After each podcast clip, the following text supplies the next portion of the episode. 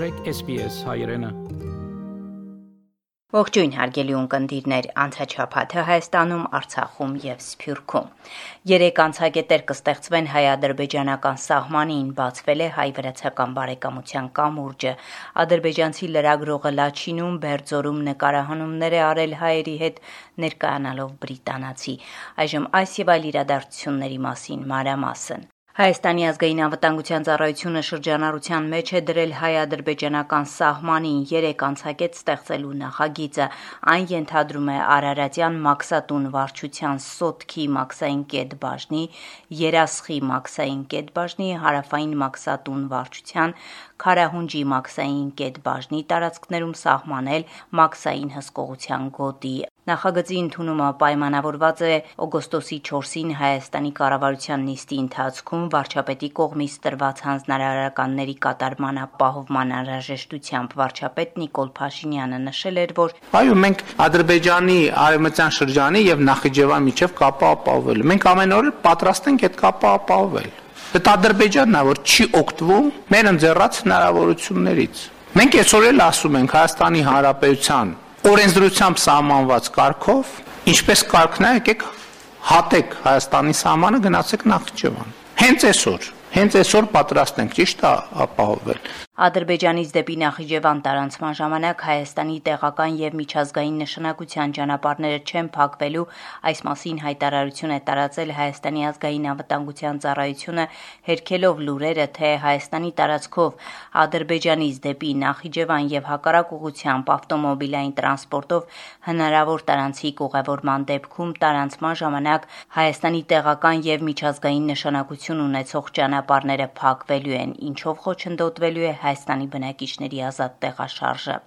Ներկայումս մշտական փուլում են գտնվում տարանցման հավանական երթուղիները եւ կարգը, որում Հայաստանի բնակչության, ինչպես նաեւ օտարերկրացիների ու վերջիններից պատկանող տրանսպորտային միջոցների տեղաշարժի համար որևէ տեղական եւ կամ միջազգային նշանակության ճանապարհների փակում կամ այլ սահմանափակումներ չեն նախատեսվում, ասված է հաղորդագրությունում։ Բրյուսելում օգոստոսի 19-ին տեղի ունեցել Հայաստանի անվտանգության խորհրդի քարտուղար Արմեն Գրիգորյանի եւ Ադրբեջանի նախագահի օգնական Հիկմետ Հաջիևի հանդիպումը այս մասին Twitter-ում գրել է Հարավային Կովկասի եւ Վրաստանում ճգնաժամի հարցերով Եվրամիության հատուկ ներկայացիչ Տոյվո Կլարը, որի միջնորդությամբ էլ տեղի ունեցել հանդիպումը։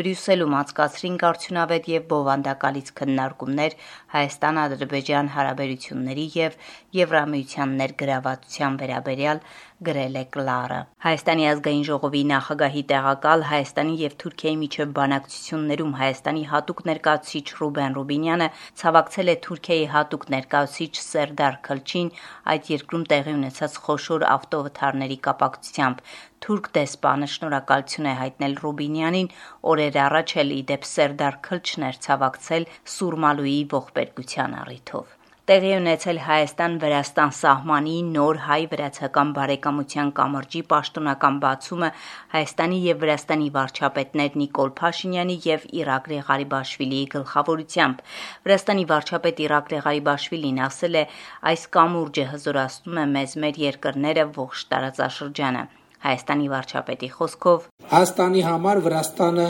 որպես տարանցիկ երկիր մեծ դեր ունի էներգառեսուրսների, կապի, հեղափոխության, հուսալի եւ անվտանգ մատակարարման առումով։ Համագործակցության արդյունավետ եւ մեծ փորձ կա էներգետիկայի ոլորտում։ Նշված, ինչպես նաեւ կիբերանվտանգության ապահովման ուղղությամբ առօրյա եւ հետեւական աշխատանք պետք է իրականացվի։ Պետք է նշեմ, որ երկու երկրների միջև անհրաժեշտ է զարգացնել միջսահմանային համագործակցությունը Հայ-վրացական բարեկամության կամրջի աշխատանքները սկսվել էին անցյալ տարի, այն առաջին ենթակառուցվածքային նախագիծն է, որ Հայաստանն ու Վրաստանը համատեղ են իրականացրել։ Երևանի Սուրմալու առևտրի կենտրոնում օգոստոսի 14-ին տեղի ունեցած պայթյունի հետևանքով զոհերի թիվը հասել է 16-ի, օգոստոսի 17-ը եւ 18-ը Հայաստանում սուկ էր հայտարարված։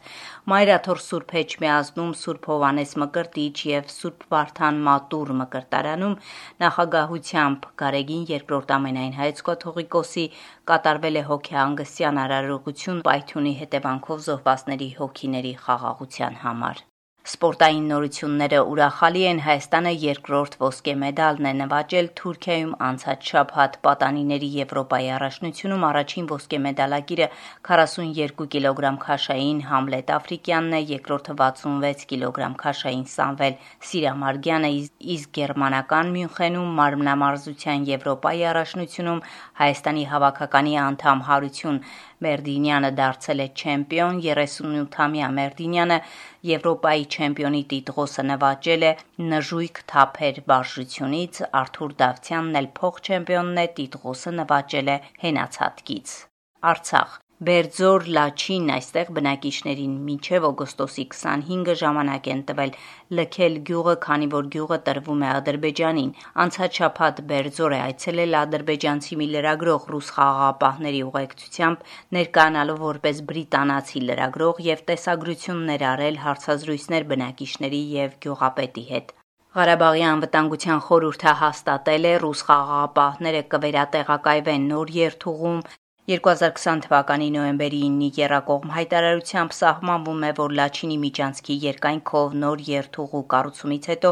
ռուսական խաղաղապահ զորակազմը կվերատեղակայվի այդ երթուղին պաշտպանելու համար։ Ըստ այդմ Արցախում տեղակայված ռուսական խաղաղապահ զորակազմը վերատեղակայվելու է Արցախը Հայաստանին կապող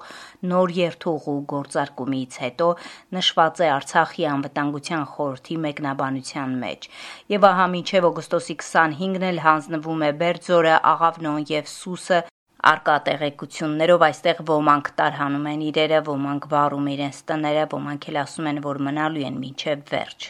Որ մենք դեռ այստեղ ենք, այս գյուղում դեռ ապրում ենք։ Որքան է որ մեզ զրկեն կոմունիկացիոն բոլոր միջոցներից, ջրից, լույսից, անմարդկային պայմաններից, հեռախոսակապից,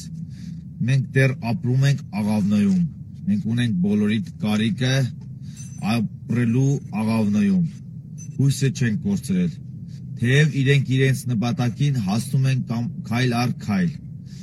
Հաջողանալու Իլհամ Ալիևին Բերձորից, Աղավնոյից ու Սուսից այս պահին տարհանվել է մոտ 50 հուշարձան, թիվը դեռ վերջնական չէ, միջև վերջին պահը հնարավոր է բոլոր մոնումենտալ հուշարձանները, թանգարանները տարհանվեն։ Արցախի մշակույթի փոխնախարար Լեռնիկ Հովանիսյանն է ասել։ Միջև ամենավերջինը, որտեղ միջև վերջին հուշարձանը կտեղափոխվի, այն ժամանակ արդեն մենք հստակ թիվը կունենանք։ Տեղափոխում ենք այն Ստեփանակերտ կենտրոնացված մի վայր, որը համաձայնեցված է Ստեփանակերտի քաղաքապետարանի հետ, եւ ասեմ, որ գտնվում են անվտանգ վիճակում կենտրոնացնում ենք միտեղ, այնուհետև արդեն կորոշենք այդ հուշակոթողների մոնումենտալ արվեստի հուշարձանների ճակատագիրը։ Սփյուռք աշխարի տարբեր երկրներում հայ առաքելական եկեղեցիներում կատարվել է հոգեհանգստյան արարողություն օգոստոսի 14-ի պայթյունի հետևանքով զոհվածների հոգիների խաղաղության համար։ Քայլարշավ Մարսելից մինչև Երևան համերգներ Ֆրանսիայում, Իտալիայում, Հունաստանում եւ Հայաստանում։ Իտալիայում Հայաստանի դեսպանության հետ համագործակցությամբ օգոստոսի սկզբին Իտալիայի մի շարք քաղաքներում, Վենետիկում, Միլանում, Հռոմում ճանապարհ հիշատակի ուղի ծրագրի շրջանակներում ճանապարհ երեակի կողմից տրվել են հայոց ցեղասպանության զոհերին նվիրված մի շարք համերգներ։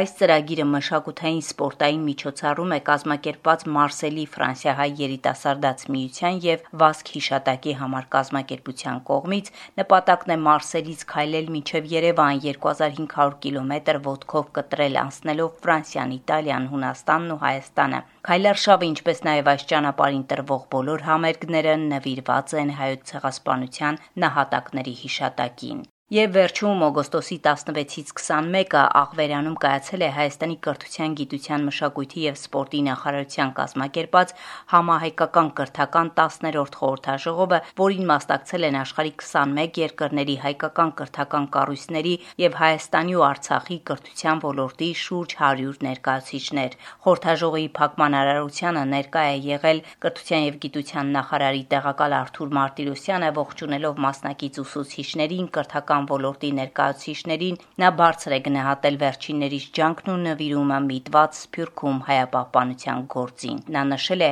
այս խորհրդաժողովն այն հարթակն է, որը հնարավորություն է տալիս բարձրաձայնելու Սփյուռքում կրթական ոլորտի կազմակերպման եւ իրականացման խնդիրների մասին, կանխորոշելու նախարարության հետ համագործակցության ուղիները։ Շարունակեք Սփյուռքում հայ մանուկներին կրթելու ձեր նվիրյալ գործը որպես մեր ինքնության պահպանման մարտիկներ, ասել է Հայաստանի կրթության եւ գիտության փոխնախարարը։ Այսքանը անցած շաբաթը Հայաստանում, Արցախում եւ Սփյուռքում SBS-ի համար ամփոփեց Գիտա Իլբեկյանը։